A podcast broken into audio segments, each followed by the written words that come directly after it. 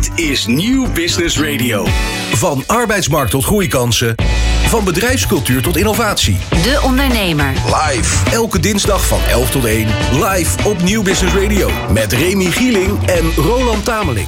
Welkom terug bij De Ondernemer Live, waarin we het ondernemerskabinet vooruitblikken op 2023 en politiek Den Haag onder de loep nemen. In het tweede uur zoomen we met diverse ministers in op communicatie, mobiliteit en economie. En onder toeziend oog van premier en tafeldame Annemarie van Gaal. Leuk dat je er nog steeds, eh, dat je er nog steeds zit. Niet bent weggerend door alle eh, politieke kwesties die hier eh, vandaag aan tafel zijn besproken. We hebben natuurlijk ook een nieuwe De Ondernemer onderweg zometeen. En blikken we met Nico Dijkshoorn terug op de uitzending. Van arbeidsmarkt tot groeikansen. Van bedrijfscultuur tot innovatie. De Ondernemer. Live. Elke dinsdag van 11 tot 1. Live op Nieuw Business Radio. Annemarie, we openen het tweede uur graag met een aantal prikkelende stellingen. Een ondernemer als minister-president is een uitstekend idee. Voor tijdelijk ja. Ik heb daadwerkelijk nog politieke ambities voor mijn carrière. Mm, het ligt eraan in welke functie. De huidige politiek mist visie en een stip op de horizon. Uh, ja, daar kan ik het wel mee eens zijn. Ja. Technologie kan de meeste problemen van onze tijd oplossen. Nou, niet, de meeste weet ik niet, maar wel heel veel. De komende drie jaar ga ik Rusland weer eens bezoeken. Ik hoop het. Premier word ik niet, maar een burgemeesterschap zie ik wel zitten. Nee. Oh, dat is heel gedecideerd weer, ja. en tot slot, uh, Nederlandse ondernemers moeten zich meer inzetten voor hun medemensen. Nou, ik denk als je goed kijkt naar MKB-ondernemers, dat doen ze echt al. Ja, voldoende? voldoende. Nou, daarover praten we straks verder. Ehm, maar eerst eventjes, uh, Roland. Wat, uh, heb, jij, heb jij iets gehoord in deze, uh, in deze antwoorden waarvan je dacht, ja, daar moeten we eventjes op door. nou ja, sowieso vond ik het wel fascinerend dat je zei, de, de burgemeestersposten, dat, dat zie, ik niet, zie ik niet gebeuren. Dat, dat, dat, waarom niet? Ik kan me voorstellen dat dat uiteindelijk toch een soort mooi, mooi nou ja, laten we zeggen, het voorbeeld van de andere Annemarie Jorritsma, die, die heeft daar toch hele mooie dingen voor elkaar kunnen krijgen. Nou ja, het is precies wat je zegt. Het is een mooi baantje, maar in principe um, de, de taak van een burgemeester is uh, best wel uitgehold in de laatste jaren. Het is in mhm. feite de gemeenteraad die het voor het zeggen heeft op, ja. op heel veel terreinen. En het terrein van veiligheid en zo ligt nog wel op het terrein van de burgemeester, maar Um, nee, het is te veel symbolisch. Te veel ja, symbolische te veel symbolisch en te veel 24/7, terwijl je heel weinig echt voor het zeggen hebt. Een ander punt wat me opviel net was uh, op de, de stelling: een ondernemer als minister-president is een goed idee. Toen zei je tijdelijk. Dat vond ik opmerkelijk. Van ja, het is op zich tijdelijk een goede oplossing. Ja, Van waar dat antwoord? Ja, ik zou wel één kabinetsperiode met gewoon ondernemers. Gewoon om even gewoon schoonschip te maken. Te zorgen dat uh, al dat de, ja, excess uh, ambtenarij, zeg maar, die gewoon ja, er niet toe doet dat je, hè, dat je gewoon even flink de boel opschudt. Dingen die simpeler kunnen, simpeler maken. Regels die niet nodig zijn, weghaalt. Ja. En dan kan de politiek het weer over. Eigenlijk een reorganisatiekabinet en daarna weer uh, op, op een nieuwe voet verder. Absoluut. Misschien zoals de CEO van uh, Schiphol, die ook zegt van ik doe het voor tien maanden, want dan kan ik tenminste wat bereiken. En dan over tien maanden zet er maar weer iemand neer die het gewoon voor de lange termijn gaat doen. Oké is ja. tip op de horizon. En uh, inderdaad niet je eigen houdbaarheidsdatum uh, blijven overzitten. ja. Hey, en uh, Rusland, ik vond het interessant. Je, je hoopt inderdaad de komende drie jaar weer terug te gaan. Jouw oud-compagnon Dirk Sauer zei volgens mij recentelijk over in een van de kranten. Ik denk dat het Parool was. Misschien Volkskrant. Van, dat, dat hij nog wel hè, nog veel gevoel heeft bij, bij de Russen. Zijn vrouw heeft er helemaal niks meer mee. Hoe sta jij erin? Um, ja, ik heb, nog, ik heb best nog veel, veel contacten. En, um, Heel veel oud-medewerkers natuurlijk ook. Precies. En, um, maar die durven ook niks te zeggen. Die, ja, ik, als ik ze voor de geest haal en ik weet hoe um, ja, meelevend ze zijn. Kijk, we hadden een bedrijf in Moskou voor Rusland. Maar we hadden ook een bedrijf in Kiev voor de Oekraïne. Dus we hebben bijvoorbeeld de Russische Cosmopolitan uitgegeven. Maar ook de Oekraïnse Cosmopolitan. We hadden hè, kranten in, in Rusland, maar ook in de Oekraïne. Dus wij... Um, wij weten dat het twee verschillende landen zijn met twee totaal verschillende culturen. Uh, en wat er nu gebeurt is natuurlijk verschrikkelijk uh, voor de Oekraïners. Ja, en de Russen, uh, ja, als ze hun ogen sluiten en uh, niet nadenken, dan gaat het leven voor hun gewoon door. Hoewel ik denk dat ze in hun achterhoofd echt wel weten wat er aan de hand is. Uh, maar uh, ja, ja, als je je mond opentrekt, dan, dan zijn de gevolgen ook niet mals natuurlijk. Nee, nee, ze kunnen niks. Ze staan gewoon met de rug tegen de muur natuurlijk. En maar, als je, sorry ja? Nee, ik, ik, hoop gewoon dat de oorlog ten einde komt. En volgens mij is de enige optie dat de Oekraïne gaat winnen. Ja. Op de een of andere manier dat de oorlog ten einde komt, dat Rusland um, onder een ander regime komt. En dan ga ik er weer heel graag heen. En als we nog even terugkijken naar jouw tijd als ondernemer in Rusland, wat heb je van die tijd het meeste geleerd? Het meeste geleerd eigenlijk dat uh, voor alles wel een oplossing te bedenken is. Ja. Oké, okay, dus een bepaalde vindingrijkheid. Ja, dat denk ik wel. En Kun je daar een voorbeeld van geven? Ja, eigenlijk he hele simpele vindingrijkheden. Bijvoorbeeld als je uh, ik noem maar wat, uh, dat, dat ze zeggen van ja, sorry, maar de uh, vrachtwagen kan niet door de douane ingeklaard worden. Het papier is op, ja. Nee, of, of ja? de, de, dozen zijn um, te hoog, drie centimeter te hoog.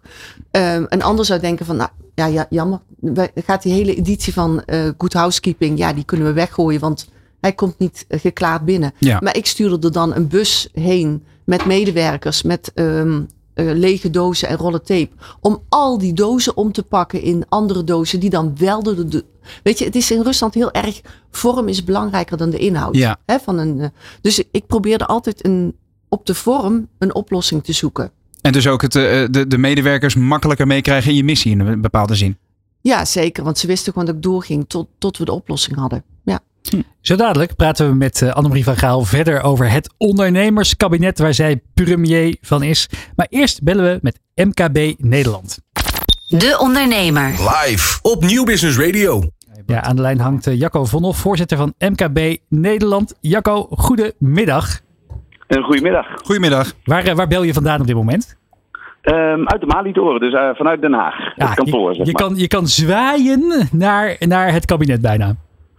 Ja, zeker. zeker. Als ik uh, uit, mijn, uh, uit mijn raam kijk, zie ik uh, het nou, tijdelijke gebouw van de Tweede Kamer. Ja, precies. En het ministerie van Economische Zaken. En als ik heel goed kijk, zie ik door het andere raam het ministerie van Financiën. Dus je zou kunnen zeggen, zitten we dicht op de actualiteit. Je zit heel dicht op het vuur. Je kan rooksignalen sturen.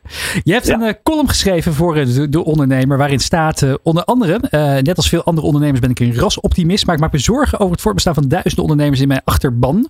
Wat, ja. wat bedoelde je daarmee?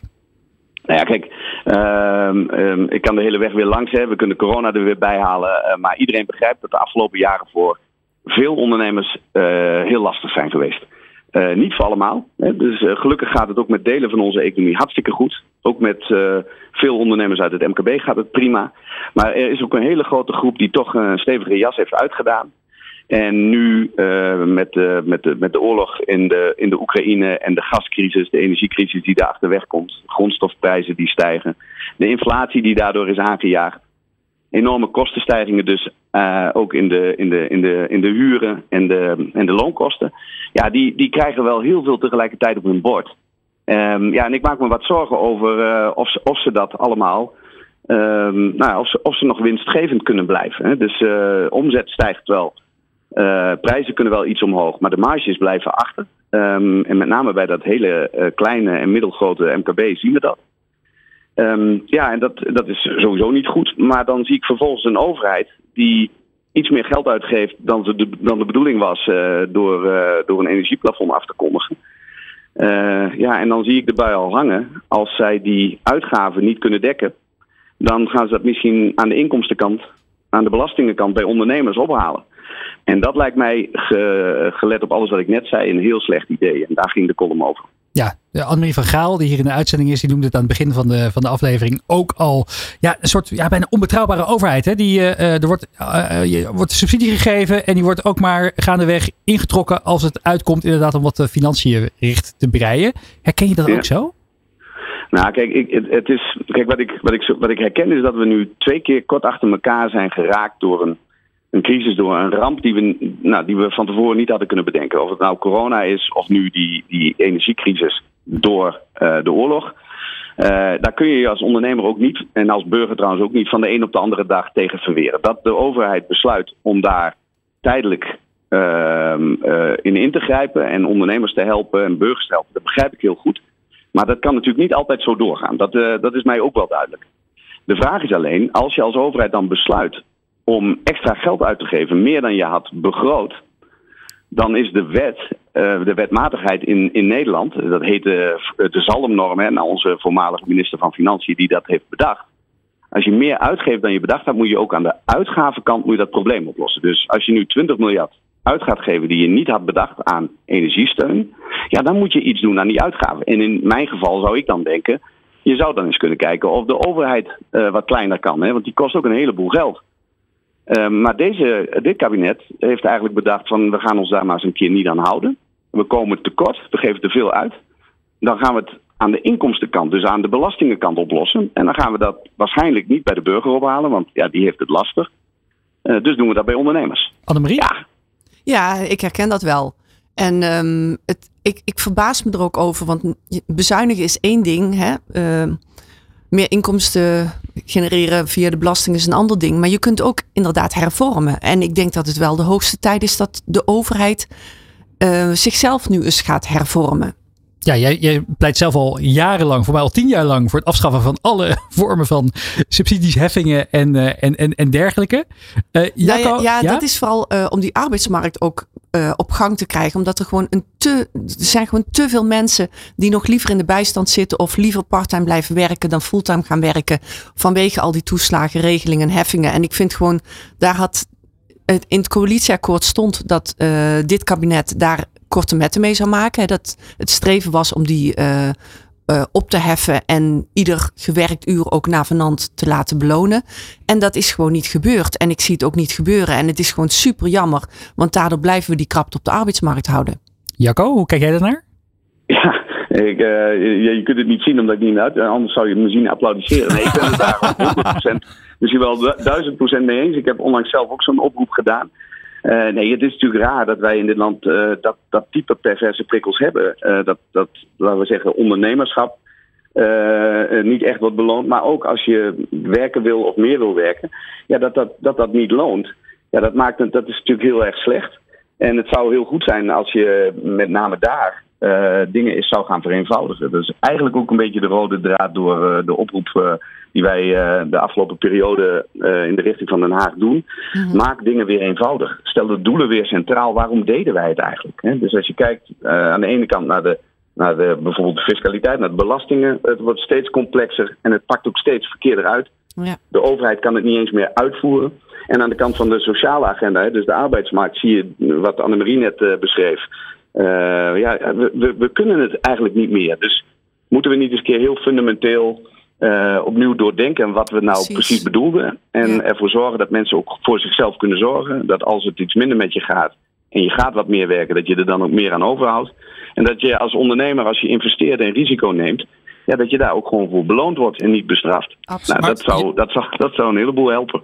Uh, Jacco, het, het, antwoord op jouw vragen wordt waarschijnlijk door iedereen in Den Haag ook beantwoord met een volmondige ja. Maar het, uh, het is hier nu ook al in de uitzending meerdere keren ter tafel gekomen dat um, de klachten wel aankomen in Den Haag, maar er vervolgens niets mee gedaan wordt. Mijn vraag is dus, uh, in hoeverre worden jullie serieus genoeg genomen in Den Haag? Oh nee, ik denk dat het niks te maken heeft met of we wel of niet serieus worden genomen. Ik herken dat het antwoord op dit soort uh, vragen om eenvoud uh, ja. worden beantwoord met opmerkingen als ja, maar het is allemaal zo ingewikkeld. Ja, dat is precies hè, dat is ja. een soort visuele cirkel. visuele cirkel. Ja. Nee, kijk, het, het begint ermee. Als je kijkt gewoon naar hoe het hier, hè, ik kijk dus op die Tweede Kamer, dat we op dit moment heel veel hele kleine fracties hebben. Dat er uh, partijen zijn die politiek vaak maar één onderwerp, één issue hebben en daar uh, iets heel specifieks geregeld willen hebben binnen het grote geheel. Ja. Waardoor er steeds meer complexiteit in dat systeem wordt gestopt. Uh, het zou mooi zijn als we eens een keer terug konden naar een hele stevige, robuuste coalitie die ook gewoon door kon pakken. En zichzelf ook gewoon um, uh, voorstelt dat. Ja, het is zo dat we eigenlijk tien jaar geleden al hadden moeten beginnen met die hervorming. Mm-hmm. Uh, dat hebben we niet gedaan. Maar als we niet nu beginnen, dan hebben we over tien jaar deze discussie nog. En dan zeggen we, ja, hadden we tien jaar geleden misschien mee moeten beginnen. Dus ja. het zou mooi zijn als iemand zou zeggen, weet je wat we doen? We gaan er gewoon eens aan beginnen. Nou, maar dat bedoel ik ook feitelijk met mijn vraag. Hè? Dus niet in de zin van uh, worden, worden jullie als MKB in Nederland of, of als, uh, als de lobby in algemene zin serieus genomen. Maar worden de klachten van Nederlandse ondernemers serieus genomen in Den Haag? Want om dan, hè, als, als ze dan meteen reageren met ja, het is zo complex, dan, dan blijkbaar is er te weinig bereidwilligheid om de serieuze problemen in Nederland aan te pakken. Ja, of, of inderdaad te weinig uh, politiek draagvlak. Hè? Want dat is eigenlijk wat ik net zei. Hè? Dus je kijkt nu naar een ingewikkelde coalitie van vier partijen die, ja. die elkaar overeind houden omdat er geen ander alternatief is. En een Tweede Kamer die uh, met twintig partijen ja, soms op de Muppet Show lijkt. Mhm. Met een Eerste Kamer waar geen meerderheid is. Ja, dan zie je dus dat dit soort wat, nou ja, wat, wat grotere ingrepen en echt stoere gedachten, ja, die komen er gewoon niet doorheen. Maar dat is een politiek feit. Um, ja, ik hoop dat uh, heel veel mensen die, die dit horen, veel ondernemers die zich dit afvragen, zo langzamerhand ook eens gaan nadenken over. Kan ik dan misschien straks, als ik eens een keer weer naar de stembus ga, uh, dat meenemen in mijn overweging op welke partij ik stem? Ja. Nu pleit, nu van Gaal hier, uh, die pleit hier in de uitzending voor, voor dat het misschien wel eens tijd wordt voor een vierjarig zakenkabinet. Veel, veel ondernemers die tijdelijk in ieder geval zich gaan inzetten om echte serieuze radicale hervormingen er doorheen te krijgen. Is dat een van de oplossingen, denk je? Ik vind het, ik vind het in het denken, hè, dus uh, wederom heel, uh, als praktisch en pragmatisch ook meteen, ja, meteen. Um, hoe, je dat, hoe, je dat, hoe je dat moet doen, daar, daar heb ik het antwoord niet op, maar dat weet Annemarie misschien. uh, maar nee, het zou heel fijn zijn als we gewoon eens een keer zouden zeggen: we trekken ons wat minder aan, of wat minder aan. Maar, hè, want democratie is natuurlijk wel een heel, is wel heel belangrijk. Ik zou niks anders willen. Het is niet het is niet altijd even handig en uh, de uitkomst is niet altijd mijn uitkomst. Maar het is wel gelukkig democratie. Maar je zou wel wensen dat we misschien eens een keer een paar mensen aan het werk zetten. Met het idee, je hoeft dit niet in vier jaar te doen. Je hoeft niet herverkozen te worden. Het gaat erom dat we over tien jaar een modern en, uh, en, uh, en, en ook heel economisch welvarend, gezond Nederland hebben. Ja, een van de ja, ideeën die hier besproken is, net, net in het eerste uur van de uitzending, is een soort, een soort parallel kabinet. Ik wilde zeggen schaduwkabinet, maar dat heeft een negatieve lading. als je het als ja. een soort ondernemerskabinet parallel aan het, aan het politieke kabinet zou zetten. Dus als, ehm, ja, met als doel om een uh, adviesorgaan te zijn dat uh, vanuit de praktijk hele duidelijke wensen en, en, uh, en doelen formuleert voor Politiek Den Haag. Zou je dat zien zitten, Jacco? Nou ja, weet je, de, ik, kijk, als je het zo stelt, kan ik bijna geen nee zeggen. Mijn ervaring is hier in Den Haag wel dat we ongelooflijk veel adviesclubs hebben. Ja. Um, dus zo'n, zo'n ieder kabinet wordt oversteld met, met adviseurs en adviezen. Ja. ik zou liever mensen, mensen op positie hebben die ook daadwerkelijk wat gaan doen. Um, hè, dus, dus, dus dan zou ik wat meer neigen naar uh, zet een paar mensen, hè, dat zakenkabinet idee, zet een paar mensen die echt verstand hebben van de inhoud en ook weten waar het naartoe moet, zonder dat ze zich al te veel zorgen hoeven te maken over hun persoonlijke carrières. Mm -hmm. Um, ja, dat zou, dat, zou, dat zou best een keer een verademing kunnen zijn. We hadden, ja, we hadden het net over die parallel uh, eigenlijk wat er nodig is uh, als je de nieuwe CEO van um, Schiphol, wat Ruud, Ruud Zondag is, wat een hele goede uh, hervormer is, hè, die, het gewoon tien, die gewoon ook zegt van ik ga tien maanden doen en dan kan ik in ieder geval in tien maanden alle hervormingen doen die nodig zijn en dan hoef ik me totaal geen zorgen te maken over de periode daarna en dan kan ik ook uh, vuile handen maken, bij wijze van spreken als het nodig is. Ja. Dus um, in, in die parallel uh, zag ik het meer. Ja, maar dat, dat, ja, dat zie ik ook. Dan zou je gewoon een paar thema's, een paar onderwerpen uh, moeten pakken en zeggen: daar zitten we echt op een doorbraak te wachten. Uh, en daar moeten we even door, uh, ja, door ramen en roeien. Ja, ja, dat, dat, ja dat, dat, dat, dat, zou, dat, zou, dat, zou, dat, dat zou heel goed zijn. Het is alleen jammer dat. Of jammer, nee, dat is niet jammer, wat heb ik net gezegd. Maar we hebben nou eenmaal die, die, die parlementaire democratie, waarin de Kamer natuurlijk de basis is. Ja. Um, dus ja, uiteindelijk moet, dat, moet het daar ook gedragen worden. En bij een bedrijf kun je nog eens een keer zeggen: we zetten even tijdelijk de democratie iets, iets op slot. Mm -hmm. En ik ga gewoon even bepalen dat het nu zo gaat. En daarna gaan we gewoon weer over tot de orde van de dag. Ja, dat kan in de. Is mijn, in ieder geval mijn uh, idee over de politiek, kan in de politiek wat minder. En hoe zie jij dat? dat, dat ja? Uh, eigenlijk als je de Tweede Kamer uh, bekijkt, uh, soms doe ik wel eens die analyse, dan meer dan 100 van de 150 Kamerleden zijn ex-ambtenaren die op het ministerie ja. zijn grootgebracht, bij wijze van spreken, of ja. die daar al hun ervaring hebben opgedaan, waardoor je eigenlijk ook, ja, en als je dan ook nog mensen erbij telt die uit de vakbond komen of uit een NGO komen, dan zit er heel weinig daadkracht en heel weinig gevoel bij MKB Nederland. Dat klopt. Nee, dat is natuurlijk een. een, eh, een, een ja, het is niet per se een verwijt, maar het is natuurlijk wel iets wat wij al langer zien. Is dat echte ondernemers of mensen die uit een onderneming komen of een onderneming hebben gehad. Uh, in de Kamer, ja, dat, dat is maar mondje, mondjesmaat dat die op de, op de kieslijsten staan. En dan zie je vaak ook nog dat als ze eenmaal in de Kamer komen, ze nou ja, binnen noodzaam in de gaten hebben dat het een totaal andere wereld is. En worden ze ook heel vaak, um, ja, uh, heel vaak um, um, uh, nou ja, niet op non-actief, maar in ieder geval Ja, ja. worden ze niet effectief. Um, ja, en dat is, dat is natuurlijk uiteindelijk wel zorgelijk, hè? want dat parlement moet natuurlijk een afspiegeling zijn van die samenleving. En uh, je, zou, je zou wensen dat daar ook mensen uh, uit de praktijk zijn die kunnen zeggen: ja, weet je, theoretisch klopt het allemaal en we kunnen heel lang met elkaar praten over dingen. Maar de werkelijkheid is net even anders. Uh, ja, ik mis, dat mis ik ook. Eerlijk is eerlijk. Ik zou, uh, ik zou ons toewensen dat die Tweede Kamer uh, wat meer ondernemers. En dat mag van elke kleur zijn, hè? Want elke politieke partij heeft natuurlijk wel ondernemers in zijn achterban. Ja, Jacco, als, uh, als wij als kijkers en luisteraars nou jouw mening uiteraard volledig omarmen, wat zouden wij als, als ondernemers kunnen doen om, om die mening van jou en Annemarie natuurlijk ook, ook kracht, daad bij te, ja, raad en daad bij te zetten? Hoe kunnen we dit nog meer onder de aandacht brengen bij Politiek Den Haag? Nou, dat zit, kijk, um, um, inmiddels ben ik wel zover. Kijk, ik, ik, ik vind dat proces hier, die politiek, de lobby en alles, het is allemaal hartstikke mooi. En het gaat ook echt wel ergens over. Um, maar, de, maar de afdronk van de afgelopen vier jaar voor mij is, je zult als ondernemers gewoon zelf de regie moeten pakken. Mm-hmm. En we, we, niet alleen maar met problemen naar Den Haag, maar zelf oplossingen bedenken. Dat geldt mm-hmm. in je bedrijf, dat geldt in je, in je, in je gemeente. Uh, als het gaat om innoveren, als het gaat om de grote ambities. Maar dat geldt ook over de politiek. Dus als wij als ondernemers vinden dat er te weinig ondernemers in de politiek zitten, dan zullen, we, dan zullen er ook een aantal van ons moeten gaan opstaan. Dat één.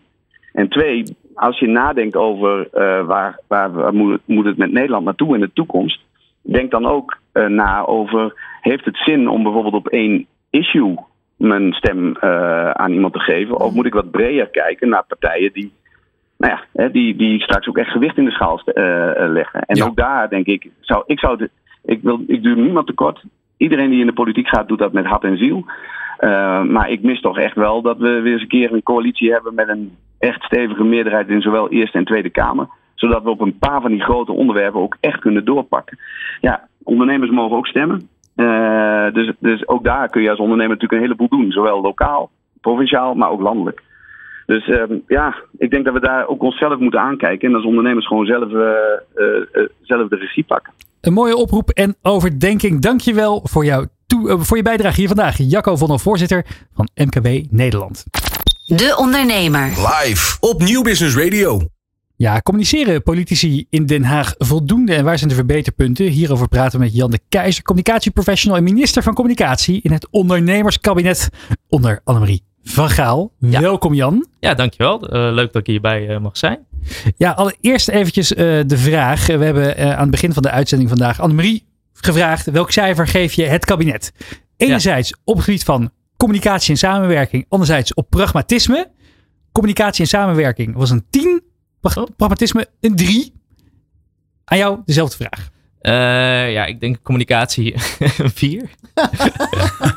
Dat is ook oneerlijk, want het, communicatie was het, het, het samenhouden en het met elkaar blijven ja. doen. Dat gaf ik een 10. Onderlinge communicatie. Snap ik, snap ik. Dat is zeker onderling sowieso een 10 dan. Maar uh, qua communiceren voor uh, het gewone volk, uh, ja, een 4. En het pragmatisme? Ja, ik denk ja, een 3. Ja. We, we waren in de opwaartse mars met alle gasten. We zijn nu toch alweer een klein dalletje beland, Roland. Ja, die heeft Jan uh, genadeloos uh, geknakt, inderdaad. Ja. Maar Jan, nog om, om nog even, uh, we schetsen eigenlijk bij iedere minister die hier aanschuift, even de situatie waarmee jij je dagelijkse dagen vult, je dagelijkse ja. werk. En waarom jij recht van spreken hebt vanuit jouw vakgebied. Wat doe jij in een notendop elke dag? ja, bezig zijn met social media. we plaatsen echt voor verschillende bedrijven en personen ja, social media uitingen. En dan kan gaan over miljoenen weergaven per, ja, per week of per maand. Ja, je maakt uh, kort gezegd uh, gifjes voor bekende Nederlanders. Ja. Even, even uh, als je het heel erg plat wil slaan. de communicatie van het kabinet moet verbeterd worden. Maar zou dan Mark Rutte op TikTok moeten en dergelijke? Wat, wat, hoe zie jij dat? Nou ja, ik denk voor Mark Rutte dat het wel heel goed is om niet te blijven op de ja, Twitter-platformen. Want als je ziet wat daarop gespeeld wordt, ze maken elkaar bijna af Mhm. eh, qua social media. Ehm, inderdaad, TikTok zou een mooi verbeterpunt zijn, maar ook bijvoorbeeld een YouTube-kanaal. En, en niet te strak. Dat heb ik vorige keer ook al aangegeven. Ze moeten meer echt laten zien. Meer de, de, de persoon wie ze zijn en wat ze doen. Meer echt. Dat wil dus zeggen dat, eh, eh, eh, dat, niet alle agenda's die achter de gesloten deuren in Den Haag aan de gang zijn, dat, dat, dat, dat we die zien. Maar je wil, wil, wil je dan meer de persoon zien? Of hoe bedoel je echt? Ja, echt gewoon ook laten zien waar ze zelf mee struggelen. Dus Mhm. ja, ook met hun pijntjes en dingetjes. Niet, niet, natuurlijk niet te veel, want ze hebben uiteindelijk wel een uitvoerende taak die ze moeten doorgeven. Maar gewoon dat er echt naar voren komt van wat ze nou willen. Ook een stempel naar voren brengen. Niet dat het te doordacht is van nou, het zit een heel plan van iemand anders achter en dat zij moeten dat doorvertellen. Gewoon Mhm. ook wat zij zelf ervan vinden. Want anders wordt het misschien te veel, ehm, ja, te, te, mooi, zeg maar. Ben ik ook wel benieuwd eh, wat, wat Annemarie daarvan vindt, inderdaad. Ja. Want ehm, eh, eh, als ik naar mijn eigen mening even, even kijk. eh, wat ik goed vond aan de coronatijd. Is dat Mark Rutte zichtbaar was. Als iemand die de lijnen uitzette en ook uitlegde wat het, wat het, eh, eh, eh, wat de ministeries bedachten, wat het kabinet vond en, en waarom ze bepaalde regels invoeren. Dat is natuurlijk ook een bepaalde vorm van communicatie. En het gesprek met de minister-president bekijkt niemand hè, op de vrijdagmiddag zo'n beetje. Tenminste niet als je niet bovengemiddeld geïnteresseerd bent. Zou dat iets zijn, Annemarie, wat jij als premier eh, anders zou doen en wat anders zou moeten, vind je? Nou, dit was wel ook heel erg gescript, hè? Wat eh, Mark Rutte tijdens corona deed. En die authenticiteit, daar ben ik zo met je eens. Ja. Eh, dat missen we gewoon. Want we weten allemaal nog van Gunay Oesloe, de staatssecretaris van Cultuur, werd gevraagd van, eh, en wat vind je ervan? Vind je het leuk? Toen zei hij, nou eerlijk gezegd, ik vind Ja. het eigenlijk helemaal geen leuke baan, weet je wel zo. Ja. De- het is dat- een eer, maar het is ook verschrikkelijk. ja, Ja. en Oh, dat ja. missen we gewoon. Dat mensen inderdaad authentiek ook zeggen van ja, hier sta ik. En ehm, Mark Rutte had ook een paar keer gezegd van ja, ik twijfel, weet je wel? Mhm. Ja. Wat dat, wat dat ook wel mooi van Gert, Ze- Gert van Zegers, dat hij nu zegt van, nou, ik, ik heb het echt helemaal gehad hier. Ja. Ja. Ja. Het is gewoon geeft, eerlijk. Geeft aan de andere kant ook wel aan dat er een hoop te winnen valt natuurlijk. En aan de andere kant zijn er een hoop politici die misschien wel te veel van zichzelf laten zien. Ja. Ehm, hè, maar waardoor het ook afleidt van de boodschap die goed is voor Nederland. Eh, stel, jij, jij zit nu bij eh, de, de, de wetgevende macht in het torentje. Eh, eh, wat, ehm, wat zou jij als, als social media gigant aan hen adviseren? Ehm, ja, eigenlijk wat ik altijd doe bij mijn klanten is altijd zo eerst kijken van waar willen we naartoe, wat zijn de doelen. Eh, en dat door middel maken van eh, persoonlijke, persoonlijke dingen eromheen, de persoonlijke content. Eh, dus ik zal ook meer gaan kijken van persoonlijke plaatsingen. Dus stel je bent uit eten met je vrouw of met je Ja. kinderen, dat je dat ook naar voren laat komen. Maar ook eh, dat je bezig bent met een nieuw plan. Dat je ook een soort van het volk meeneemt. Bijvoorbeeld, stel je zo'n Instagram story neerzetten van wat vinden jullie dat dit komende jaar moet verbeteren of zo. Dat je toch de kans geeft aan het volk. Want nu zie je toch, zijn er allemaal van die geautomatiseerde berichten. Eh, het- kijk, ook al zouden ze er niks mee doen. Mhm. Het geeft toch een gevoel van, hé, hey, ik hoor erbij. Ik, ik mag iets bepalen. Dat geeft voor een mens toch altijd een goed gevoel. Annemarie, jij, bent niet zo'n social media fanaat, hè? Nee, nee. Ik, eh, ik zat ehm, jaren geleden op Twitter en op een gegeven moment dacht ik, nou nee, nu eh, komen de bedreigingen echt mijn oren uit. Nu, eh, nu stop ik ermee. Dus Nu, nu stap je op. ja. Je bent niet overgestapt naar Mastodon. nee. Je hebt in het huistijdperk de social kanalen een beetje aan de wil gehangen. Ja, Instagram doe ik wel een beetje en, gewoon. Meer, meer, voor, eh, maar meer voor persoonlijke relaties dan, ja, denk ik. precies. Ja. Ja. Zie, je, wel- zie je wel de mogelijkheden voor politici? Of denk je inderdaad van, ik denk dat, dat je ziet het wel veel gebeuren inderdaad nog steeds, dat het is er niet leuker op geworden op Twitter in elk geval. Nee. Nee, Twitter, ja, maar jij zegt het ook weer. Twitter moet je eigenlijk niet meer opzitten, want Nee. het is eigenlijk gewoon. Ja, kijk, het is natuurlijk wel een heel makkelijk platform om even iets te Ja. zenden. Maar er wordt zoveel ook eh, verknipt eh, gezegd. Dus dat, Ja. dat mensen met elkaar gewoon ruzie gaan zoeken. En dat geeft ook een, een heel ander beeld tegenover elkaar. En er Eh. staat geen enkele context meer in. En het Nee. is alleen maar zenden en niet meer eh, Ja. de nuance opzoeken. Had jij gehoopt, Jan, nu eh, er een ondernemer aan het roer zit bij Twitter, Elon Musk, het zal niemand ontgaan zijn, Ja. dat, Nee. dat het verbeterd zou worden daar? Ehm, ja, maar ja, ik vind het aan de ene kant wel heel goed wat Elon Musk doet, zeg maar, dat, dat hij iedereen weer toelaat op Twitter die geband was. Eh, dat dat ook weer kan. Eh we noemen Andrew Tate. Dat, ja, dat op dit moment is het nu niet een heel positief beeld wat er over wordt gezegd, maar hij mocht dan ook weer online eh, op Twitter. Donald Trump volgens mij ook. Ehm, het heeft wel een soort van iets dat, dat, dat, het wel weer strak wordt getrokken en dat het weer normaal wordt gezet. Dus ja, ik vind dat wel goed, maar ik ben ook wel benieuwd wat hij nog meer eruit gaat halen.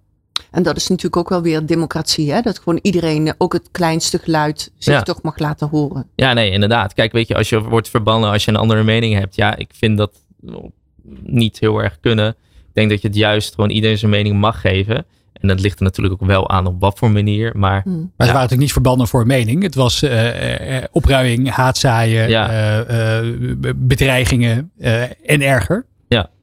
Klopt. Maar het, het kan ook zo, ja, het kan zo zijn dat het, eh, dat het wel weer goed is dat ze nu wel weer een kans hebben om te plaatsen. Want als ze op alle social media geband zijn, kijk, je kan het nooit controleren. Dan kan je het beter gewoon weer kijken en dan bijvoorbeeld eh, gaan checken van wat plaatsen ze nu en wat gaat er meer gebeuren.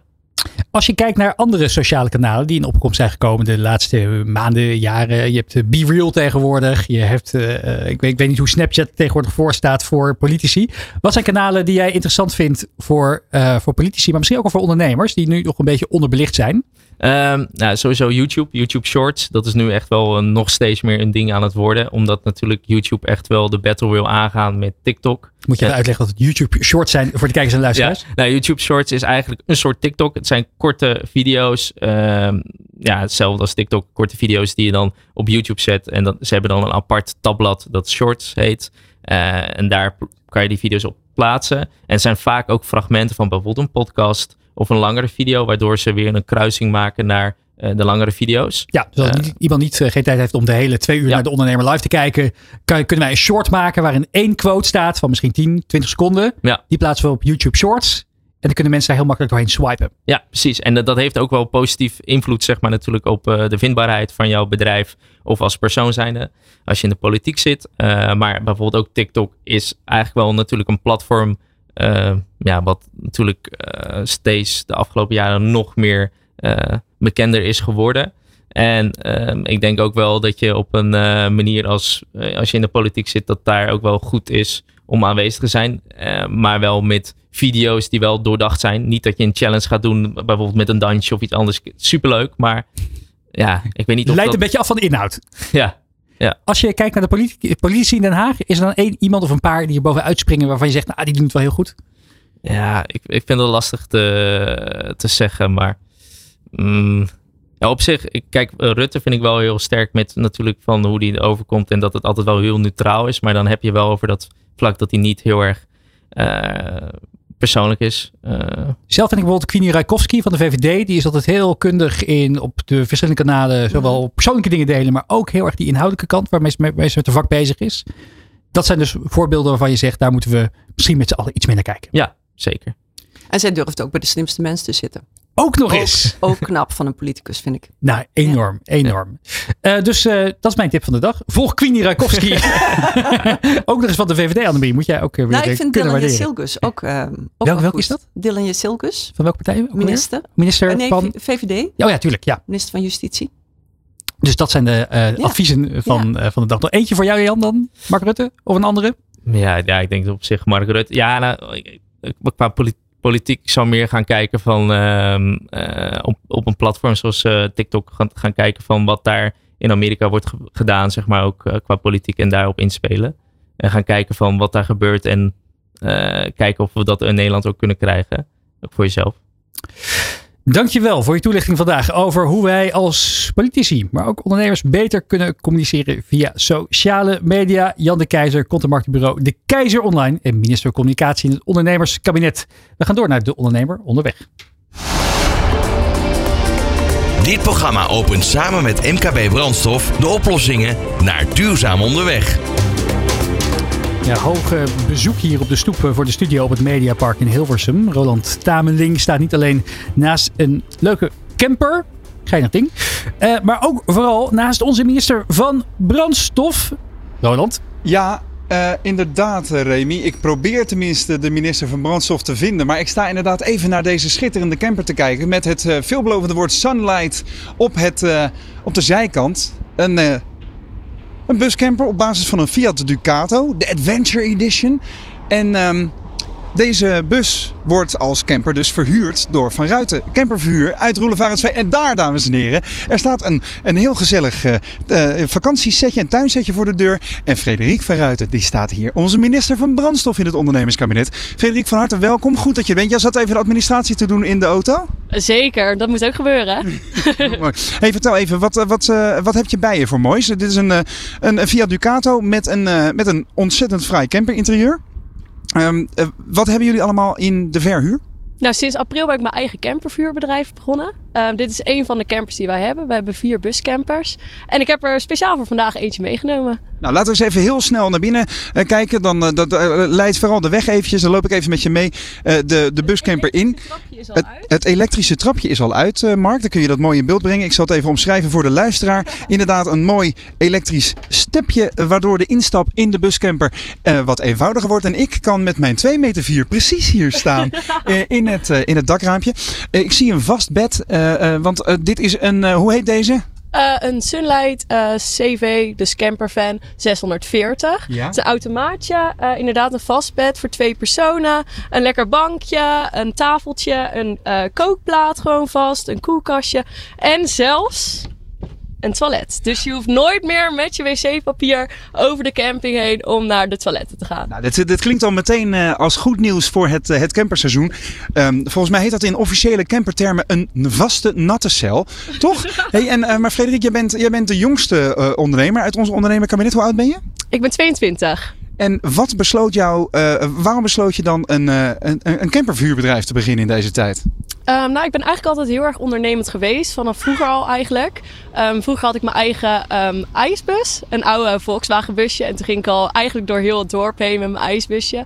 En toen uh, ben ik april begonnen eigenlijk met mijn eigen campervuurbedrijf. Ja. Het is eigenlijk heel spontaan gekomen. eigenlijk met mijn vader en met mijn broer aan de keukentafel zaten we te, uh, ja, eigenlijk te brainstormen. Want ik wou heel graag iets voor mezelf doen. Wat ik nou eigenlijk wou gaan doen. Ja. En toen kwamen we eigenlijk op de campers uit. Op Vanuit Campervuur. Nou, dit is wel een, een, een helder verhaal natuurlijk. Maar wat mij verbaast aan deze camper is dat het um, niet bepaald een, een bouwpakket is. Hè. Het is echt een heel officieel omgebouwde camper met een waterreservoir en een grote luifel aan de zijkant. Um, ik had verwacht, ja, weet je, als je als een jonge ondernemer begint met een campervuurbedrijf, dan, dan bouw je wat bussen om. Hè, dan begin je laagdrempelig. Maar dit is volgens mij een behoorlijk forse investering. Hoe krijg je dit van de grond?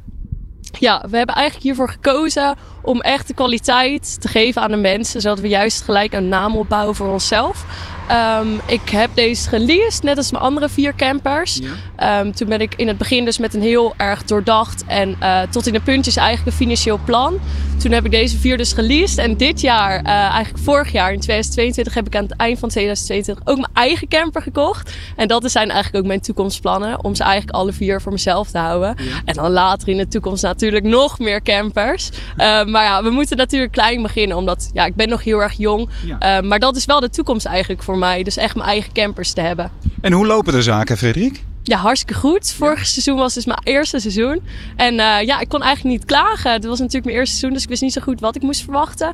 Uh, maar zeker door eigenlijk de mix van corona. Mensen wisten, wouden eigenlijk nog niet een hele verre vakantie boeken. Mm -hmm. Maar ook de drukte op Schiphol is het eigenlijk heel erg goed gekomen. En heeft het eigenlijk heel erg goed uitgepakt. En ik hoop voor dit seizoen ook weer. Ja, want dat is natuurlijk de volgende vraag. Wat zijn dan je verwachtingen voor komend jaar? Als we nog even naar de, de voorkant van de bus uh, gaan lopen, van de, de, de buscamper. Um, wat zijn je verwachtingen voor komend jaar?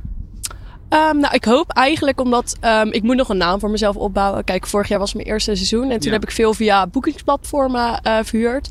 En ik merk nu wel uh, veel verhuurders die vorig jaar bij mij een bus hebben gehuurd, die komen weer terug. Dus dat vind ik wel heel erg leuk en dat wil ik ook voor de toekomst. Dat ze echt eigenlijk via mijn eigen site boeken ja. in plaats van de platforms. Um, dus dat is eigenlijk uh, wat ik hoop voor dit seizoen. Ja, en welke van de vier loopt dan het hardst? Ik denk deze die ik vandaag mee heb genomen. Het ja? heeft uh, een uh, speciaal fietsenrek voor elektrische fietsen. En dat is toch eigenlijk de toekomst, de elektrische fietsen. Dus deze wordt wel eigenlijk het meest verhuurd. Het is ook automatisch. Dat vinden mensen ook fijn. Ja, echt ontspannen op vakantie. Ja. Dat was de reden. Uh, dankjewel weer voor dit mooie bruggetje. Want de reden waarom ik ook naar de, de voorkant van de bus liep. Want hier zie je aan de zijkant staan een 2.3 met 140. Dat betekent 140 pk uit een 2.3 liter dieselmotor. En natuurlijk, dat is een van de grootste trends, hè, Frederik, in, in, in camperland en überhaupt in mobiliteitsland. De switch naar elektrisch, is dat al iets waar je mee bezig bent? Hoe zie jij die toekomst? Um, voor de toekomst zeker, maar het moet natuurlijk wel haalbaar zijn. Omdat gewoon ook de radius van de elektrische eh, campers is nog niet wat ik wil dat het is, zeg maar. Voor nu is diesel eigenlijk prima en is het gewoon goed om mee te beginnen. Eh, maar voor de toekomst, als de radius er is, ja, dan willen we daar zeker eh, naartoe gaan eigenlijk. Ja, dat was net al een van de wijze lessen van de premier van ons ondernemerskabinet, Annemarie van Gaal. Ze zei op het moment dat de technologie er is, moet je als ondernemer meteen inhaken, zodra het goed is voor je klanten. Dus dat is feitelijk wat jij zegt. Hè? Ja. En, en de, het gebruiksgemak van jouw klanten staat natuurlijk bovenaan. Die camperplatforms zijn, hè, zoals GoBooney en dergelijke, die, die, die verschillende eh, eh, camperplatforms die eh, campers van eh, bedrijven en consumenten aan andere consumenten verhuren. Ehm, hoe zorg je dat je, eh, dat je de juiste consument eh, als klant bij jou binnenkrijgt? Ehm, ik denk dat het eigenlijk wel voor zich spreekt. De camper voor spreekt eigenlijk wel voor zich. De kwaliteit. Eh, mensen vinden het gewoon fijn om met deze camper op vakantie te gaan. En dat kleinschalige van jouw bedrijf, zitten daar dan bepaalde voordelen aan? Ja, ik heb geen personeel, dus ik doe echt alles in mijn eentje. Dus ik heb overal controle op. Kijk, ik maak zelf de camper schoon, dus ik weet dat eigenlijk alles altijd voor 100% klopt. Dus als ze bij mij komen, dan ben ik daar als aanspreekpunt. Ja. Als er bijvoorbeeld eh, iets aan de hand is, dan ben ik daar altijd. Maar ook met schoonmaken inderdaad, wat ik net zei. Dus als er iets is, dan ben ik daar altijd. Ja, ik zie hier het, eh, het setje buiten staan met een, eh, een tweetal wijnglazen en een aangebroken witte wijnfles. Daar worden we blij van natuurlijk. En het boekje Podcasten voor Communicatieprofessionals van collega Glenn van den Burg. Je bent je dus aan het, eh, aan het eh, inlezen op eh, je communicatie naar buiten toe. Hartstikke interessant. Em, en eh, nou ja, de, de, het- vooruitzicht voor komend jaar is natuurlijk ook wel ehm, dat mensen onbezorgd weer de hort op willen. Stel, ik kom voor komend jaar, komende zomer, deze bus bij jou, deze camperbus bij jou huren. Waar moet ik dan aan denken eh, ehm, op het gebied van, nou ja, wat ik aan je moet overmaken, zou ik maar zeggen? Dat zou ik ten eerste heel leuk vinden als je langskomt voor de camper. Ehm, eh, maar in het hoogseizoen moet je denken aan 150 euro per dag. We willen onze prijzen echt laag houden. Dus ehm, daarin willen we wel verschillen met andere campervuurbedrijven. En natuurlijk gewoon nieuwe producten. Dat zie je eh, minder bij andere campervuurbedrijven. Dat zijn vaak al eh, oudere busjes uit 2015, zoiets. En deze zijn gewoon echt helemaal nieuw uit 2022. Dus we willen prijzen laag houden, maar de kwaliteit hoog. Heel mooi. Zullen we daar maar eens even op proosten dan? Want ergens is het vast vijf uur in de middag eh, in, en eh, ergens ter wereld. Ik zeg op een mooi jaar, Frederik. En eh, proost op het, succes van, van Ruiten Campervuur. En ehm, op de ondernemers van Nederland en de minister van Brandstof, zullen we maar zeggen. Proost. Proost! Geweldig om te weten. Iedere uitdaging is een kans om met een slimme oplossing te komen. Daarom wordt dit programma mede mogelijk gemaakt door MKB Brandstof. Dit is De Ondernemer live op Nieuw Business Radio. Ja, dat was eh, Roland Tameling bij uh, Frederike van uh, Ruiten. Bij die, ja, die ontzettend fraaie Fiat Ducato Sunlight camper, campervan. Waarbij je voor nou, pak een beetje 150 euro per dag lekker door Europa kunt toeren deze zomer. Annemarie, heb jij reisplannen voor dit jaar? Nog geen reisplannen, nee. Geen, uh, geen niks op, de, op je wensenlijstje waarvan je denkt, oh, dat wil ik heel graag nog een ja, die bucketlist is, die is eindeloos. Die is er wel, maar uh, nee, ja, ik ben net naar Colombia geweest. En, ook heel uh, erg fijn. Ook heel, nieuwjaar gevierd, hè? Ja, klopt. Ja, ja dat kerst is toch, en oude nieuw. Ja. Dat is toch wel heel, heel mooi met, uh, met de familie. Ben, ben, ben, je, ben, je, zo reislustig dat je altijd iedereen meeneemt in het kielzog? Of ja. uh, is dit, was dit een uitzondering? Nee, nee, nee. Dat doen we eigenlijk best wel vaak. Ja, we hebben, ik heb twee zonen. Mijn man heeft drie zonen. Uh, en een aantal hebben al vaste vriendinnen. Aanhang, ja. dus nee, wij, wij nee, ik ben wel um, heel erg van het gezin bij elkaar en uh, zoveel mogelijk samen doen. Ja, leuk ook om die verre reis te maken. Dat je ja. ook weer nieuwe maar ervaringen ook, ook dichtbij hoor. Weekendje Parijs doen we ook. Ja. Heb je dan nooit dat je een beetje, beetje af en toe ook eens wat, wat, wat uh, of misschien juist wel omdat je met zo'n groot groep bent, dat je juist helemaal geen mot krijgt onderling? Of, je, of dat je dat af en toe nee. na een hele lange tijd. Het gaat echt heel goed. Dat ja. ik ga nu maar eens even naar het zwembad toe, ja. uh, jongens. Ja, gaat heel goed. um, dit was natuurlijk ook weer een mooi verhaal. Wat een enorm jonge ondernemer, 22, die een uh, campingvuurbedrijf begint. Voor mij iets van een zesde bedrijf, las ik even. Fantastisch. Las ik ergens. Ja, echt mooi. Is dat ja, je, je bent natuurlijk al zo lang bezig met, uh, met ondernemerschap. Is er, denk je, een, nog steeds een groei gaande in, in jongeren die toch ja, uh, de ambitie hebben om voor het ondernemersvak te kiezen?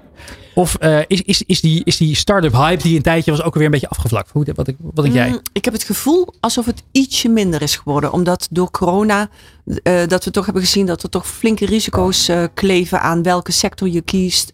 Je kan maar net in de beroerde sector belanden. Dat is ook niet voor iedereen weggelegd natuurlijk. Hè? Onzekerheid, eh, risico nemen. Nee, precies. Je moet echt als ondernemer moet je wel eh, uit een bepaald hout zijn gesneden. Ja, dat is enorm echt, goed eh, tegen tegenslag kunnen. Ja, stress, slapeloze nachten. Je moet er echt niet, niet van wakker liggen, bij wijze van spreken. ja. Maar die, ga, ja, die krijg je, die heb je. Krijg je ja. nog steeds veel, veel jongeren die bij je aankloppen voor advies?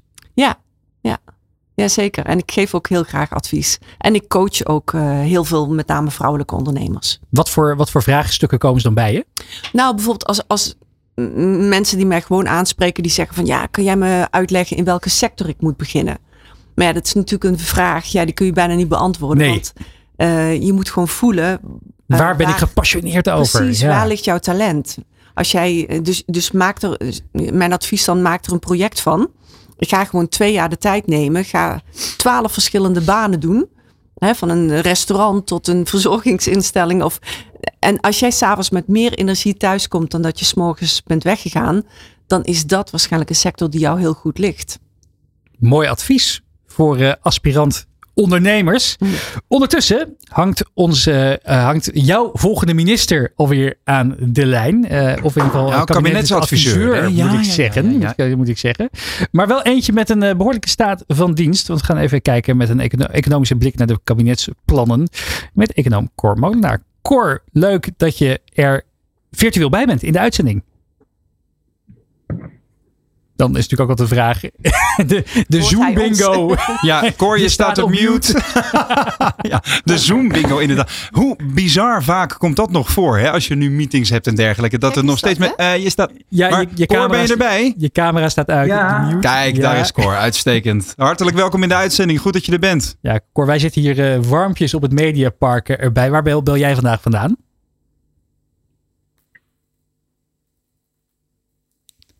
Ik, eh, Maar versta je me nu wel? Nu wel. Je, wel met een beetje echo, maar dat nemen we maar eventjes Maar voor ik hoor lief. twee geluiden. Wat zeg je?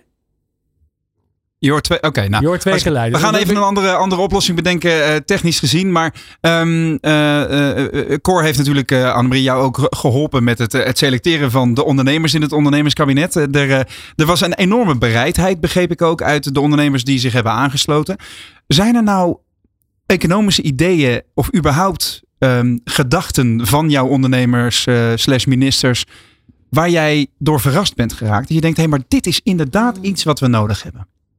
Nou, eigenlijk gewoon überhaupt die ondernemende blik. eh, die missen we gewoon ehm, in. Ja, we hebben nu even dat we politiek ten opzichte van ondernemers plaatsen. Ja. En ehm, eigenlijk alle ondernemers die ik gesproken heb, heb, die hadden ook wel een soort praktische oplossing voor precies die sector waarin, waarin zij actief zijn.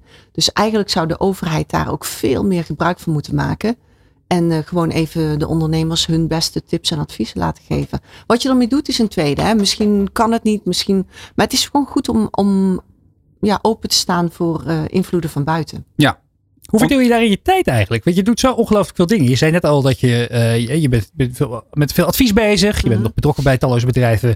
Heeft lange tijd ook in het vastgoed gezeten. Doe je vast ook Ja. nog veel dingen omheen. Eh, nu minister-president van het ondernemerskabinet. Hoe, Ook dat nog? Nee, ja, dat bijna, bijna fulltime baan.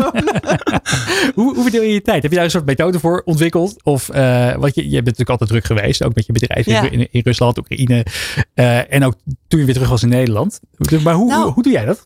Mm, eigenlijk is voor mij, er is geen scheiding tussen tijd voor privé of tijd voor werken. Ik ben eigenlijk, ja, het is gewoon voor mij een soort ja, levensmanier dat ik, ja, ik kijk, ik, ik zit wel, ehm, mijn man kijkt dan televisie. Ja, ik kan net zeggen. Hoe doe je dat s'avonds bijvoorbeeld op de bank? En ik zit eh, met mijn laptop op schoot. Hmm. ah, Ik- ja. Ik, kijk wel met een schuin oog televisie. En ik volg het allemaal wel een beetje. Maar ik zou niet 100% een uur lang naar Netflix eh, Nee. de laatste, weet ik voor wat, eh Nee. kaleidoscoop kunnen kijken. Ik haakte net nog eventjes aan eh, bij, bij jullie laatste gesprekken. Voordat we probeerden contact te leggen met Cor. Waarmee we nog steeds bezig zijn overigens. De techniek laat ons op dat vlak even in de steek. Maar gelukkig werken de microfoons hier in de studio Mhm. uitstekend. Ehm, jullie hadden het over eh, goed advies voor eh, aspirant ondernemers.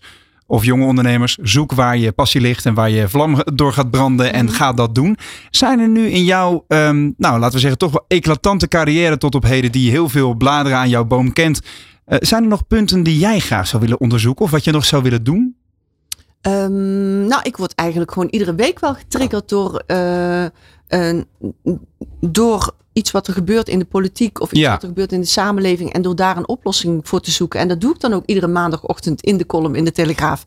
Dus ik, ik ben, ja, ik, ik word eigenlijk continu getriggerd. Dus dat is wel een hele fijne uitlaatklep, zo nou, gezegd. sowieso. Maar Ja. mensen zeggen wel eens tegen mij van... eh, heb je nou nooit een week dat je denkt van... eh, waar moet ik het over hebben? Mhm. Nee, ik kan iedere dag wel iets bedenken van... oh, maar waarom pak je dat niet zo aan? Waarom doe je dat niet zo? Dus dat zou je ook in lengte van dagen kunnen blijven doen. Ja, ik zou het eh, ook meerdere keren per week kunnen doen, bij wijze Ja? van spreken. Ja, die tijd heb ik niet om het te schrijven, want schrijven kost echt wel veel tijd. Mhm. Maar ehm, nee, dat, dat is continu. Maar ik denk dat dat ondernemers eigen is. Ja. Ik merk het bij collega-ondernemers dat je, je bent gewoon continu bezig met, eh, je ziet iets en je denkt van, hé, maar waarom hangt dat scheef? Want als we dat nou zo doen, dan hangt, weet je wel, dus je bent gewoon continu op kleine gebieden een oplossing aan het zoeken, maar ook op grote gebieden. En dat doe je ja, eigenlijk, wij zijn zo gewend om complexe problemen uit elkaar te trekken in kleine blokjes en per klein blokje een oplossing te bedenken en dan kijken of het geheel dan past. Mhm. Hoe kijk je echt naar de media? Je bent eh, jarenlang, ja, heb je eh, een fantastisch media-imperium gebouwd in, in, in, in, eh, in, het, in het oosten van Europa en verder. Ehm kriebelt het niet af en toe nog eens om weer iets Ja. te doen daarin? Nee, ik, de, media, het medialandschap is wel enorm veranderd. Ja. Want ja, en dat heeft niks te maken met, met eh, Rusland of de Oekraïne. Maar eh, dat je zeg maar heel veel geld kon verdienen met eh, consumentenbladen. ja, tijdschriften. Of vakbladen en vakbeurzen. Of ehm, eh, nou ja, nou is dat nog wel steeds wel een interessante eh, sector. Maar met consumentenbladen, ja, die, die markt is enorm veranderd. Ik heb jarenlang tijdschriften gemaakt. En, eh, Ik ken er nog één. En ik, en, ik, en ik zeg altijd, eh, ja, het maken van tijdschriften is de leukste en duurste hobby die je kunt hebben. Zo, zo. En, maar de, de wereld is ook veranderd. Want je hebt geen tijdschrift meer nodig voor need to know. Weet je wel, je kunt alles opzoeken op internet. Ik bedoel, je, je wordt niet meer getriggerd door een cover waarin staat van eh, eh, scheiden, hoe doe je dat ook alweer? Of eh, de drie stappen om eh, eh, slanker te worden. Of hè, noem maar wat. Je, je kunt alles opzoeken. En een tijdschrift is niet, een consumentenblad is niet meer nodig voor need to know. En tegelijkertijd verbaast me er wel. Je loopt een Bruna binnen en het rekken en rekken de tijdschriften die nog steeds Veel worden minder gemaakt. dan vroeger. Oké. Veel minder. En veel meer op ehm, interesse. Ondertussen is het ons toch gelukt Goed om nieuws. eh, eh, contact te maken met econoom Cor Molenaar, de kabinetsadviseur op het gebied van economie voor Annemarie van Gouw. Cor, kan je ons nu goed horen? Ja. Ja, versta je mij ook? Ja, met, een, met een beetje kraak, maar wederom, dat nemen we maar voor lief. We hebben eh, iets minder de tijd dan we hadden gepland, maar eh, toch ook even aan jou de vraag. Eh Cor, als je kijkt naar het huidige kabinet Rutte 4, wat, wat, wat voor cijfer zou je aan ze geven als het gaat over ja, pragmatisme en actiegericht handelen? Nou, ik ga je denk ik heel ongelukkig maken. Want ik heb de cijfers gehoord. Maar ik kom niet hoger dan een 2. Zo dan. We eindigen op een eh, hoogtepunt. Je bent de laagste van allemaal. Waar, eh, eh, nou, dat is wel een mooi statement. Waar komt het, waar komt het door? Wat, eh, wat frustreert je aan de, het pragmatisme van, het, eh, van eh, Rutte 4? Nou, als ik nu kijk, dan is men alleen maar bezig om mijn eigen stokpaardjes te bereiden. En vooral een D66-stokpaardje die heel erg gefocust is op milieu en op, eh, op dat soort zaken.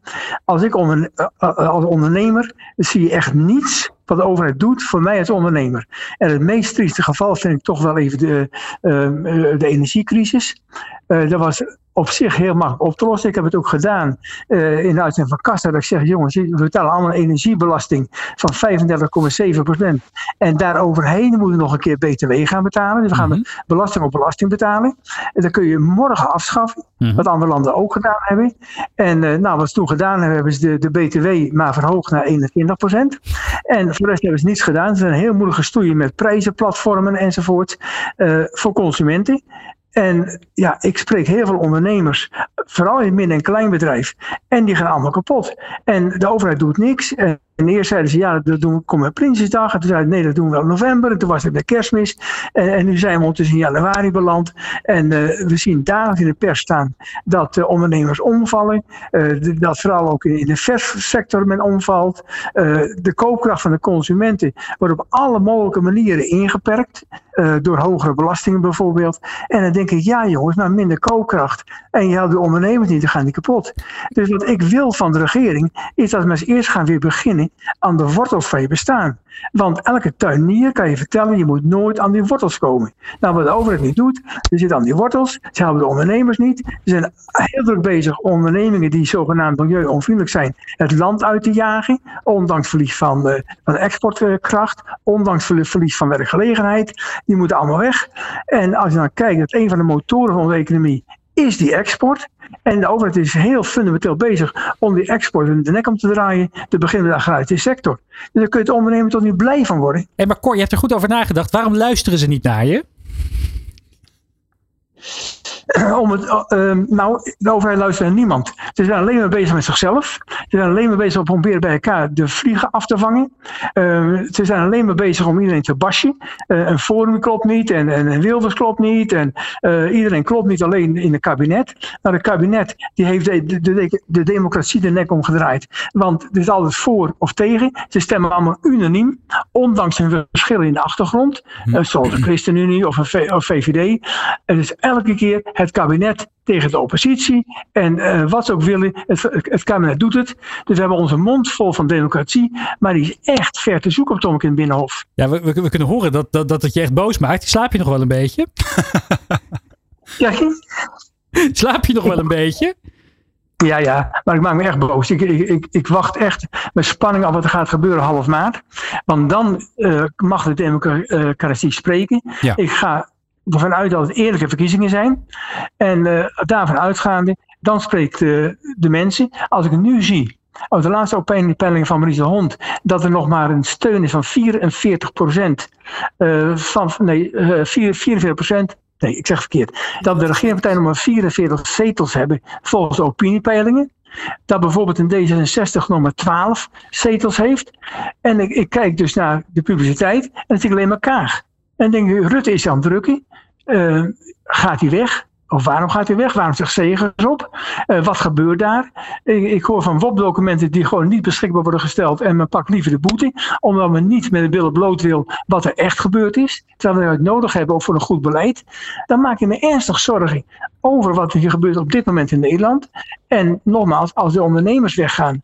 Want dat, dat, dat is de werkgelegenheid. De meeste mensen werken in een midden- en klein bedrijf. Daar moet je beginnen bij de, eh, bij de vervormingen. En niet ergens bij milieu, bij stikstof of wat dan ook. Dat komt later wel. Ja, uh, Cor, ik vind dat je een, eh, een, een hele hoop uh, uh, vingers op pijnlijke punten legt, inderdaad. Ik ben vooral even benieuwd naar de reactie van onze premier Annemarie van Gaal op, op deze stortvloed aan toch wel kritiekpunten van Cor Molenaar. Nou ja, ja, hij heeft er inderdaad goed over nagedacht. Ja. Het, het, ja, het, het is ook gewoon jammer hoe de, hoe de politiek uh, opereert. En daar, uh, we moeten ook een andere afslag nemen, want het, het is gewoon onhoudbaar. Ja. Cor, als jij uh, één woord zou kunnen richten in het torentje tot minister-president Rutte, die daar toch al heel wat jaren zit. en, en blijkbaar toch niet helemaal de oren juist heeft hangen naar ondernemend Nederland. wat zou je tegen hem zeggen? Hij moet een keer het land ingaan en echt met mensen praten. En niet wat hij nu doet, toen het alles geïnsceneerd is. Eh, dat alleen maar praten met mensen die het met hem eens zijn. Uh, wat Annemarie ook terecht heeft gezegd eh, straks. Je moet gewoon in de ondernemers gaan en in de burgers gaan. Er moet een comité komen van mensen uh, die niet uit de ambtenaren komen. En niet ex-politici zijn, maar die gewoon met de voeten in de mond staan. Ik praat bijna iedere week met de slager en met de bakker. En dan ga ik gewoon in zo'n bakkerij zitten. En die ellende die dan hoort. Dat mensen bijvoorbeeld een energie. Uh, een lokaal restaurant betaalt 20.000 euro per jaar. En nu moeten ze 100.000 euro betalen. En noem maar op. Dat soort verhalen moet je horen. En moet je ook het leed zien van die gezinnen die erachter zitten. En van de werknemers erachter zitten. En en dan moet je daar eens open voor gaan staan. En daar een keer een week voor uittrekken om gewoon open naar te gaan luisteren. Maar hij zit continu in, in zijn tunnelvisie. Hij luistert naar andere partijen. En hij, zit helemaal, hij is helemaal los van die maatschappij. En zeker het ondernemerschap. En, en, dat baart me grote zorgen. Een bevlogen betoog van Cor Molenaar, econoom en kabinetsadviseur van het ondernemerskabinet onder Annemarie van Gaal. Dank je wel voor je bijdrage. Toch goed dat we je nog even kort hebben gesproken. Dit is De Ondernemer live op Nieuw Business Radio. Ja, hoe politiek geëngageerd is de huisdichter van ondernemend Nederland eigenlijk? Ja, we gaan het horen van het wandelend ondernemersorakel Nico Dijkshoorn, die misschien wel gaat solliciteren naar een ministerpost. Ondernemertjes. Ik ben misschien wel voor het eerst in mijn leven trots op mijn werkgever. Wat was het een dapper idee van de ondernemer om juist in deze tijd een schaduwkabinet te formeren onder de naam Ondernemerskabinet. Zo zie ik mijn werkgever graag. Niet als een trillend konijn bang in een hoekje gaan zitten wachten tot het echte kabinetje een knuppel achter je oor legt, maar initiatief tonen in misschien wel de allerengste tijd ooit om in iets te zitten waar het woord kabinet in voorkomt. En dan toon je dus ballen, dan laat je je vrouwenpower zien. Als je in een tijd waarin hardop wordt gedroomd over tribunalen, over lijfstraf en langdurige opsluiting van iedereen die ook maar iets met politiek te maken heeft, om dan plaats te durven nemen in een ondernemerskabinet. En ik moet eerlijk zeggen, ik vond het een jaar geleden, toen het ondernemerskabinet werd opgericht, een beetje een flauw ideetje. Net doen alsof je in een kabinet zit, dat is toch eigenlijk zoiets als een volwassene die de hele dag met een bak Lego zit te spelen. Dat is zoiets als iemand die geen zin heeft om te studeren voor huisarts en dan in godsnaam maar het spelletje Dr. Bibber gaat zitten spelen. Zo zou ik dat denk ik voelen wanneer ik in een ondernemerskabinet zou zitten. Dat Rutte van het echte kabinet af en toe even langskomt en dan kijkt of je een grote ba in je broekje hebt gedaan. Ik snap dat er goed werk wordt verricht, maar ik kan mij niet helemaal ontworstelen aan de lulligheid die om dit ondernemerskabinet heen hangt. Heb het denk ik te lang weggezet als iets wat je aan het eind van een vrijdagmiddagborrel verzint. Maar nu, na deze uitzending ben ik volledig om. Als je dat in deze tijd durft om zoals Annemarie van Gaal de premier te worden van iets wat kabinet heet, dan ben je dapper. In een tijd waarin boeren met een tractor dwars door je deur rijden als ze geen koeien meer mogen slachten, waarin steeds meer ministers moeten worden beveiligd. En waarin ministers van de ene dag op de andere dag beslissen dat ze toch maar iets meer tijd aan God en hun kinderen willen gaan besteden, is het heldhaftig te noemen om het woordje minister aan je naam te verbinden, ook al ben je dan een minister voor snackbarhouders. En daarom ben ik bereid om over mijn eigen schaduw heen te stappen.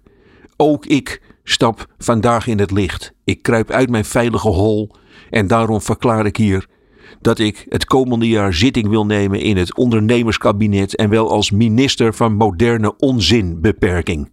Ik zal het ondernemersland dienen en ik zal mij leegvechten om ridicule ondernemersideetjes met wortel en al uit de hoofden van wanhopige fantasieloze ondernemers te lullen. Ja, ik zal een zeer actieve hands-on minister worden.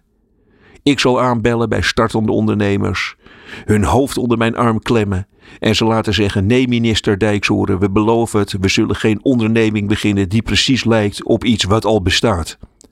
Nee, minister Dijkshoorn, we starten geen nieuwe grote losse brokken zeepwinkel op. Nee, minister Dijkshoorn, wij zullen geen gekke stadsviezen met tractorwielen gaan produceren.